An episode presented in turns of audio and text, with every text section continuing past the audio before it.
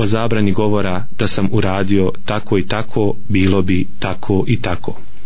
Zatim je, draga braćo i sestre, pisac knjige o Tevhidu spomenuo poglavlje koje govori o tome da je zabranjeno čovjeku vjernici, vjerniku i vjernici reći da sam uradio tako i tako bilo bi tako i tako. Pa je spomenuo riječi Allaha subhanahu wa ta'ala jedan kuranski ajet gdje kaže Allah jalla še'nu يقولون لو كان لنا من الأمر شيء ما قتلنا ها هنا gdje su munafici rekli da su nas poslušali oni ne bi poginuli i spomenuo je kuranski ajet također الذين قالوا لإخوانهم وقعدوا لو أطاعونا ما قتلوا da su munafici rekli da su poslušali nas i da su sjedili kod svojih kuća ne bi poginuli. Spomenuo je pisac knjige o Teuhidu ova dva kuranska ajeta koja govori o događaju na Uhudu. Ajeti koji govori o bitci na Uhudu gdje su munafici na čelu sa Abdullahom ibn Ubej ibn Selulom la'natullahi alejh izostali njih jedna trećina od cjelokupne muslimanske vojske izostali sa ovog pohoda. Kada je Allah poslanik sallallahu alaihi wasallam sa muslimanima izašao izvan Medine u podnožje brda Uhuda da dočeka mušrike. Međutim oni su izostali jedan dio munafika na čelu sa Abdullahom ibn Ubej ibn Salulom. Pa kada je pa kada se odigrala bitka bilo je ubijeno oko 70 ashaba.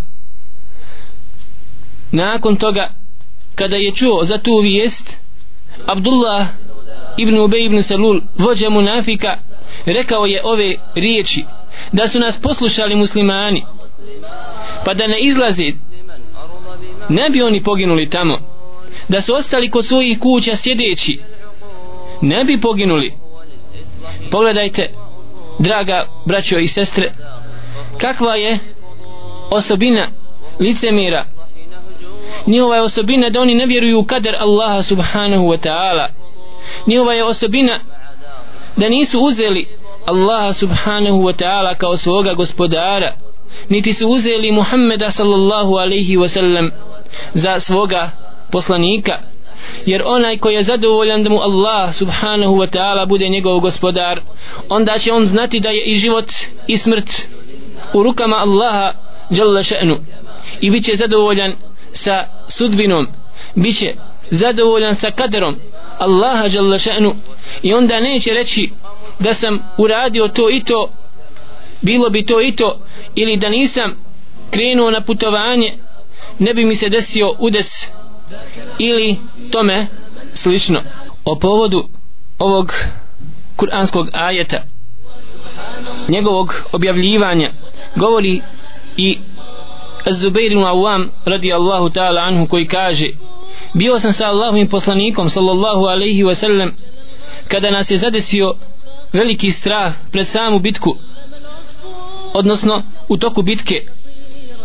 Pa je Allah subhanahu wa ta'ala poslao na nas san tako da je svaki vjernik osjetio drijemež i osjetio je lagan san san koji je bio milost od Allaha subhanahu wa ta'ala i kaže Zubeiru Awam u tom momentu ja sam onako između sna i jave čuo kako jedan od mu, mu, munafika Muatib ibn Kušeir govori da su ostali kod kuće ne bi poginuli. Da su ostali ashabi kod kuće u Medini i da su nas poslušali ne bi izašli u bitku na Uhud pa je Allah subhanahu wa ta'ala objavio ovaj kuranski ajet šta to govore munafici يقولون لو كان لنا من الأمر شيء ما قتلنا ها هنا da oni govore da su nas slušali oni ne bi poginuli danas ovdje pa je Allah subhanahu wa ta'ala odgovorio na njihov slab iman na njihovo nevjerstvo u Allah subhanahu wa ta'ala i odredbu u kader u sudbinu قل لو كنتم في بيوتكم لبرز الذين كتب عليهم القتل إلى مضاجعهم رتي محمد صلى الله عليه وسلم رتي محمد صلى الله عليه وسلم da ste ostali vi kod svojih kuća onome kome Allah subhanahu wa ta'ala odredio da pogine on bi poginuo pa makar ostao u svojoj postelji evo kadera evo odredbe evo sudbine evo kao što Allah subhanahu wa ta'ala govori po pitanju kadera dragi brate i sestro. Reci o Muhammeda sallallahu alaihi wa sallam da ste ostali i da su ostali ovi ashabi koji su poginuli 70 dni na Uhudu da su ostali u svojim kućama zadesilo bi ih ono zadesila bi ih smrt pa makar ostali u kućama u posteljama svojim. Ovo je vjera ovo je iman ovo je ono što hoće Allah subhanahu wa ta'ala od vjernika i vjernice. Da čvrsto vjeruju u sudbinu, u kader, u Allaha subhanahu wa ta'ala. Zato pogledajte jednog divnog primjera. Jedne majke iz Mekke koja je otpratila svoga sina 92. godine u Bosnu ovdje koji je bio ranjen u kišmu i ostao je trajno nepokretan. Njegova majka ga je dočekala na aerodromu u Džiddi 92. godine pred kraj dočekavši ga na aerodromu u Džiddi i pored toga što je bila u poznim godinama života oko 80 godina imala nije znala ni čitati ni pisati ali je imala vjeru u Allaha subhanahu wa ta'ala imala je iman u kaderu sudbinu dočekavši svoga sina na aerodromu u Džiddi rekla mu je o sinko nemoj da tuguješ to što te zadesilo tako mi Allaha da si ostao ovdje kod nas u Mekki desilo bi se to isto. Ostao bi nepokretan da si ostao u Mekki možda bi te udarilo auto ili bi pao ili tome nešto slično. Znaj da te to nije moglo zaobići. To je ono što Allah subhanahu wa ta'ala daje vjernicima i vjernicama. To je iman koji Allah subhanahu wa na koji Allah subhanahu wa ta'ala upućuje vjernike i vjernice. To se ne stiče fakultetom to se ne stiže magistarskim doktorskim radovima i magistarskim doktorskim disertacijama. To se stiče sa vjerom u Allaha subhanahu wa ta'ala. Tako vidimo draga braćo i sestre iz ovog kuranskog ajeta da nije dozvoljeno da čovjek kaže da sam uradio tako i tako bilo bi tako i tako nakon što se nešto desi. Ova čestica da u ovakvom kontekstu i u ovakvom smislu je zabranjena govoriti draga braćo i sestre. Kao što je zabranjeno upotrebljavati ovu česticu u kontekstu uzimanja kadera kao argument za griješenje ili za kufr ili širka Allahu subhanahu wa ta'ala. Kako to? Kao kad čovjek bi rekao da je Allah htio ja bi bio vjernik kao što mnogi ljudi pokušaju se opravdati kada mu kažeš zašto ne budeš vjernik u Allaha on će ti reći da je Allah htio uputio bi me. Ili da je Allah htio da ja ne griješim ja ne bi griješio. Da je Allah htio da ja ne pijem alkohol ja ne bi pio alkohol. Ali to je odredba od Allaha da ja tu ne mogu ništa promijeniti. Maša Allah ovako su mušici govorili. I Allah žele to spomini u Kur'anu njihove riječi kao što kažu la uša Allahuma ašrakna. Mušici govore da Allah htio mi ne bi bili mušici ne bi mu pridružili druga. Ili na drugom mjestu Allah subhanahu wa ta'ala kaže la uša ar-Rahmanu ma abadnahum. Da Allah subhanahu wa ta'ala je htio mi ne bi obožavali kipove odakle odakle ti znaš šta Allah hoće a šta Allah neće? Jesi li ti to vidio što Allah subhanahu wa ta'ala odredio i zapisao u levhi mahfudu i znaš da ti Allah odredio da budeš nevjernik? Ili ti Allah odredio da činiš grije? Odakle ti pravo da tako govoriš laži o Allahu subhanahu wa ta'ala? Tako ne može to biti tvoj argument za tvoje griješenje prema Allahu subhanahu wa ta'ala. Zato u ovom kontekstu da čovjek kaže da Allah htio ja ne bi griješio ja, bi, ja ne bi pio alkohol ja ne bi činio blud ja bi bio vjernik ja bi obavljao namaz na vakat i tome slično je zabranjeno govoriti jer je to upotrebljavanje ovih riječi kao argument za svoje griješenje prema Allahu subhanahu wa ta'ala. Dragi brate i sestro kada te zadesi neko iskušenje nemoj reći da sam postupio tako i tako ne bi mi se to desilo. Ne, to nije osobina pravi iskrenih vjernika u Allaha subhanahu wa ta'ala prava njihova osobina je osobina koju opisao Allahu poslanik sallallahu alaihi wa sallam u hadithu koga bilježi imam i muslim u svom sahihu gdje kaže Allahu poslanik sallallahu alaihi wa sallam ajaban li amri mu'min fa in amrahu kullahu khair čudna je stvar sa mu'minom sa vjernikom u Allaha jalla še'nu svaka njegova stvar svako njegovo stanje je dobro za njega وليس ذلك لأحد إلا للمؤمن i takva situacija takvo stanje nije ni sa kim drugim osim sa vjernikom Allaha subhanahu wa ta'ala. In asabethu sarra'u šeker fe kane khayran lah. Ako ga zadesi neko dobro on zahvali Allahu subhanahu wa ta'ala na toj sreći i na tom rahatluku i na toj dobroti i osjeća se fino.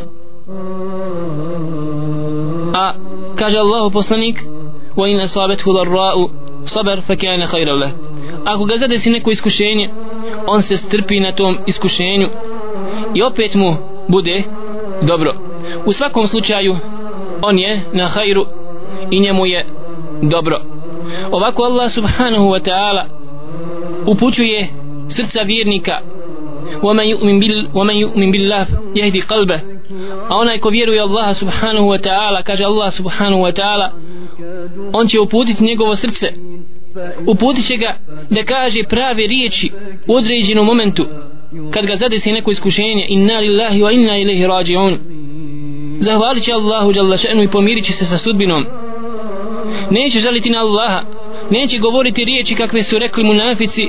Lau ata'una ma matu wa ma kutilu da su nas slušali da se nama pokoravali ne bi poginuli na uhudu pogledajte kako je Allah subhanahu wa ta'ala ih iskušao. Kako je Allah želešenu poslao iskušenje njihovom vjerovanju u ovako jednoj situaciji da vidi ko će ostati čvrst u svome vjerovanju. Jer produkt i posljedica tvojih riječi tvoga šehadeta tvoga la ilaha illallah muhammedur rasulullah podrazumijeva dragi brate i sestro da moraš biti zadovoljan sa odredbom koju ti od, odredio taj tvoj gospodar Allah žele še'nu koga obožavaš. Za razliku od munafika koji su samo riječima svojim rekli la ilaha illallah a u njihovo srce još nije ušao iman oni u svome srcu nosi kufr i širk Allahu žele še'nu koji progovori u iskušenju ta klica taj virus kufra i licemjerstva mora progovoriti iz njihovih srca u teškoćama. Zato pogledajte draga braćo i sestre licemjerstvo licemjerstva nije bilo u Mekki dok su muslimani bili poniženi. Tamo nije bilo munafika tamo nije bilo licemjera jer trebalo je tada imati iskušenje zbog toga što ćeš biti musliman i što ćeš govoriti la ilaha illallah. Zato nisu imali muslimani interesa da se pretvaraju. Nisu imali interesa da kažu la ilaha illallah pa da budu onako bez veze protjerivani. Trebalo se žrtvovati za la ilaha illallah u Mekke ali kada je došao period Medine kada su muslimani ojačali kada je došlo, došao rahatluk kada je došlo spokojstvo kada je lahko biti vjernik onda pogledajte. Lako je da svi ljudi kažu la ilaha illallah. Tada licemiri tada nifak i licemjerstvo buja u ljudskim srcima zato što nema iskušenja nema belaja. Lako je da budeš danas zelen a sutra crven kada dođe period iskušenja. Jeste dragi brate i sestro ali kada dođe period iskušenja tada se pokazuje čvrstina i iskrenost i jakin ubjeđenje u la ilaha illallah. Kao što je to bila situacija u mnogim bitkama kao u ovoj bitci bitci na Uhudu kada je kufr i licemerstvo iz munafičkih srca progovorio pogledajte tada više nije se mogao niko sakriti. Tvrdeći riječima ja sam musliman ja vjerujem u Allaha subhanahu wa ta'ala. I koliko koliko smo puta vidjeli ljude koji su po imenima muslimani i koji se zovu sa najljepšim muslimanskim imenima Muhammed, Abdullah, Hasan, Omer i tako dalje ali to tako biva dok su muslimani jaki ili dok ga niko ne dira.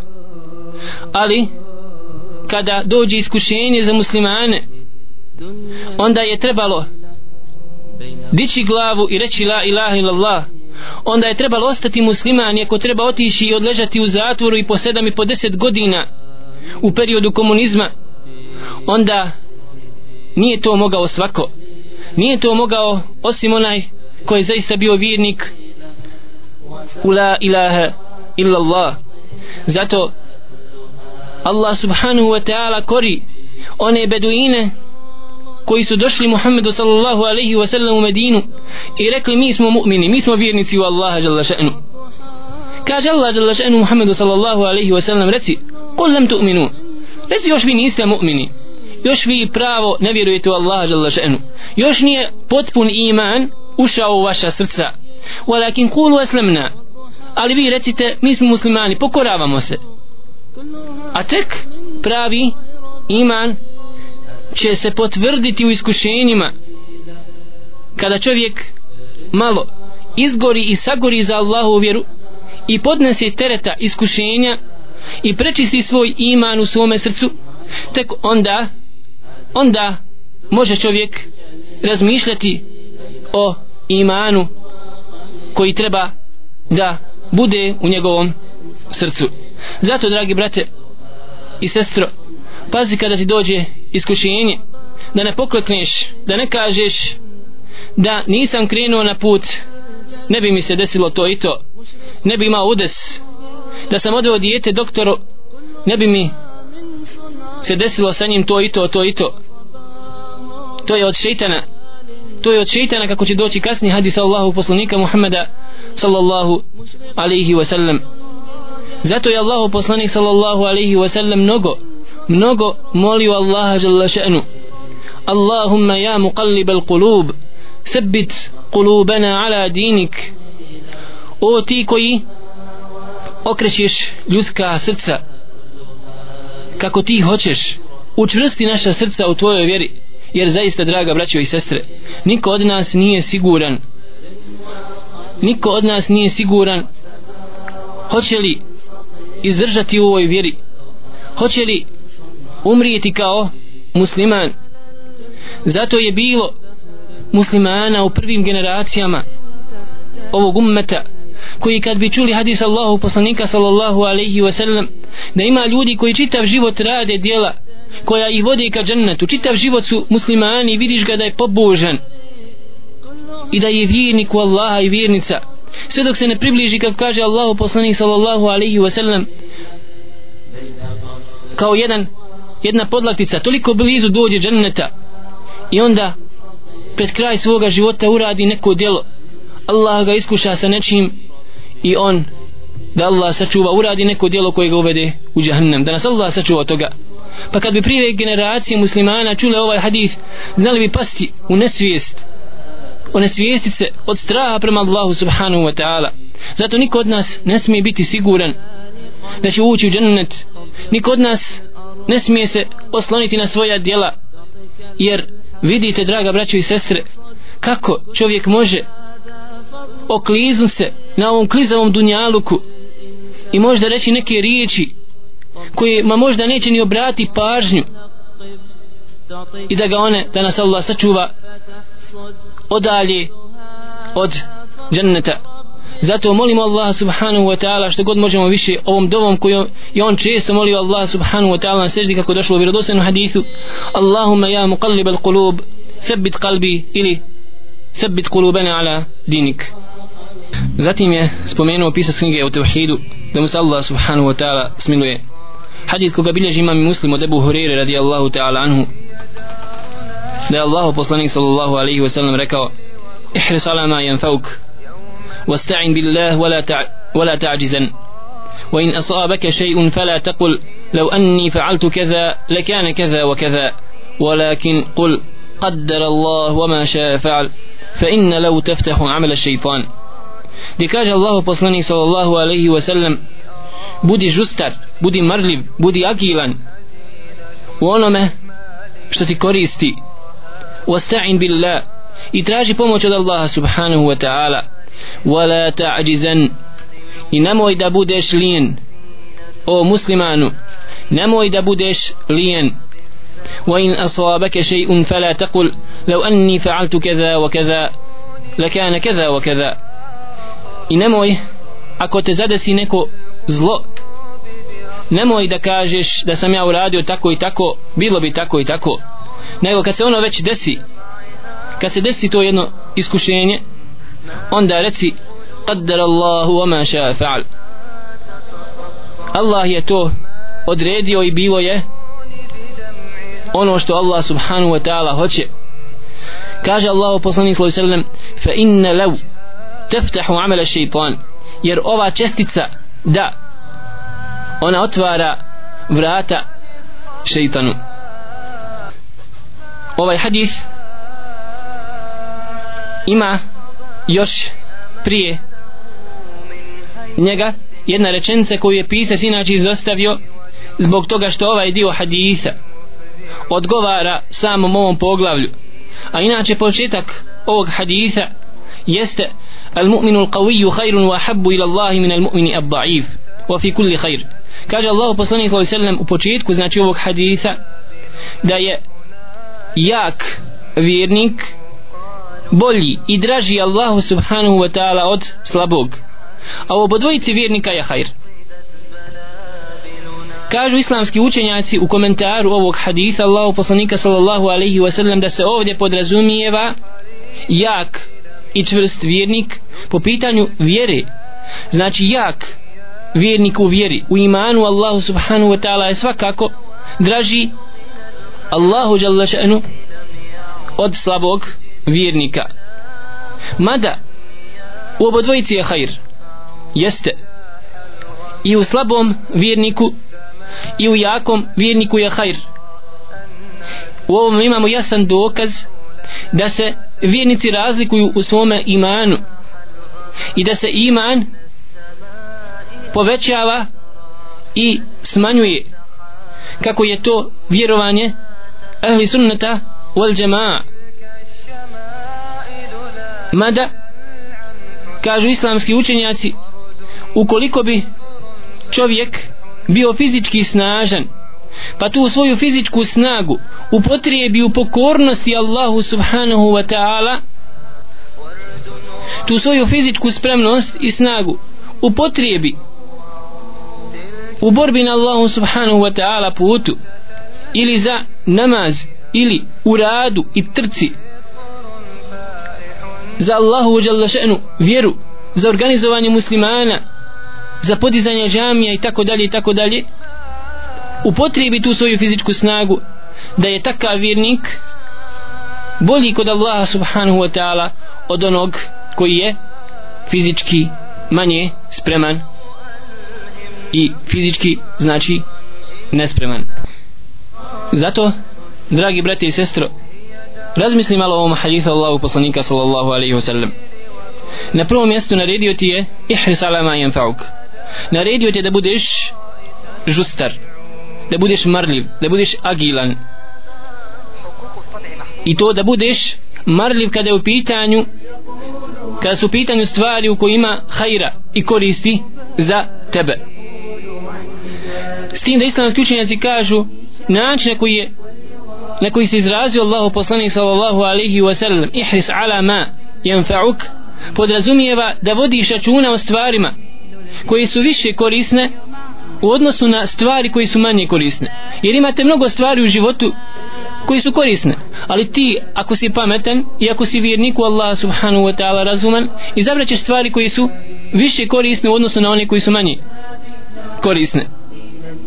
Oto da osobina vjernika je da oni vodi računa o svome govoru, da govori ono što je korisno, da radi djela koja su korisna, ako mogu, ali ako ne mogu, onda neće tračiti svoje vrijeme onako u praznu i šuplju priču.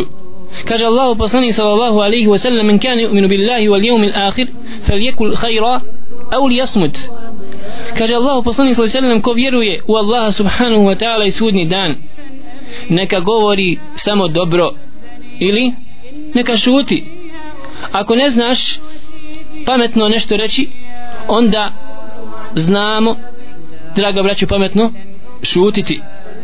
Zato pogledajte prije nego što nas zadesi neko iskušenje i neki belaj moramo biti marljivi moramo biti agilni moramo se truditi u uzimanju dunjalučkih uzroka i onome što je korisno za nas bilo po pitanju našeg tijela bilo po pitanju naše vjere uzeti dunjalučki uzrok i biti žustri na tome putu. Zato neka niko ne kaže da čovjek treba da sjedi pa kad ga zadesi neko iskušenje kad ga nešto lupi po glavi da onda kaže to je Allah odredio. Ne. Na prvom mjestu pogledajte Allah poslanik sallallahu u ovome kontekstu kad govori o kaderu. O sudbini kaže ihris ala ma yanfa'uk. Budi marli, budi agilan u onome što ti koristi. Ako vidiš da ti korisno da odiš ljekaru požuri idi ljekaru. Nemoj da se zapuštaš. Ako vidiš da trebaš se organizovati nemoj da budeš neorganizovan o muslimanu. Ako vidiš da trebaš završiti fakultet onda budi marljiv u traženju i sticanju znanja i trči za tim znanjem da bi što prije završio fakultet i uzmi dunjalučke uzroke na tom putu ovako hoće Allahu poslanik sallallahu alaihi wa sallam da poduči svoj ummet da moraju uzimati dunjalučke uzroke i da ne smiju samo se oslanjati na ovakav jedan način da kada i nešto zadesi zbog njihove ljenosti da kažu to nam je Allah subhanahu wa ta'ala odredio. Znači prvi stepen koji nas je podučio Allahu poslanik sallallahu alejhi ve sellem u ovom hadithu jeste marljivost u onim stvarima koji će nam koristiti. A onda draga braćo i sestre drugi stepen kaže Allahu poslanik sallallahu alejhi ve sellem wasta'in billah. Onda kada si bio marljiv u onim stvarima koji ti koriste onda zatraži pomoć od Allaha subhanahu wa ta'ala. Sveži svoje srce za Allaha jalla še'nu. A treći stepen wala ta'đizan nemoj biti marljiv nemoj biti lijen nemoj biti lijen i tek onda nakon ovi tri, ova tri stepena koja nam je pod, koja nas je podučio kojima nas je podučio Allahu poslanik sallallahu alaihi wa sallam kaže Allahu poslanik sallallahu alaihi wa sallam وإن أصابك شيء فلا تقل لو أني فعلت كذا لكان كذا وكذا kada dođeš onda nakon ova tri stepena da te zadesi nešto od iskušenja od odredbi Allaha Đalešenu nemoj reći da sam uradio tako i tako bilo bi tako i tako. Vidimo da je to onda odredba od Allaha subhanahu wa ta'ala i da se čovjek tada mora pomiriti. Međutim ukoliko bi čovjek zakazao i ne bi uzeo neki dunjalučke uzroke pa mu nešto se desi. Zbog njegove manjkavosti ili zbog njegove ljenosti treba da zna čovjek vjernik nakon što se stvar desi. Da to što nije uzeo dunjalučki nekakav uzrok je opet kader od Allaha subhanahu wa ta'ala i ne treba da se ka je ne treba da žali za tim što ga je zadesilo jer to je od šeitana ta tuga koja bi te zadesila u srcu zbog toga što nisi uzeo možda neki dunjalučki uzrok koji je bio od bitnog značaja da te ne zadesi neki belaj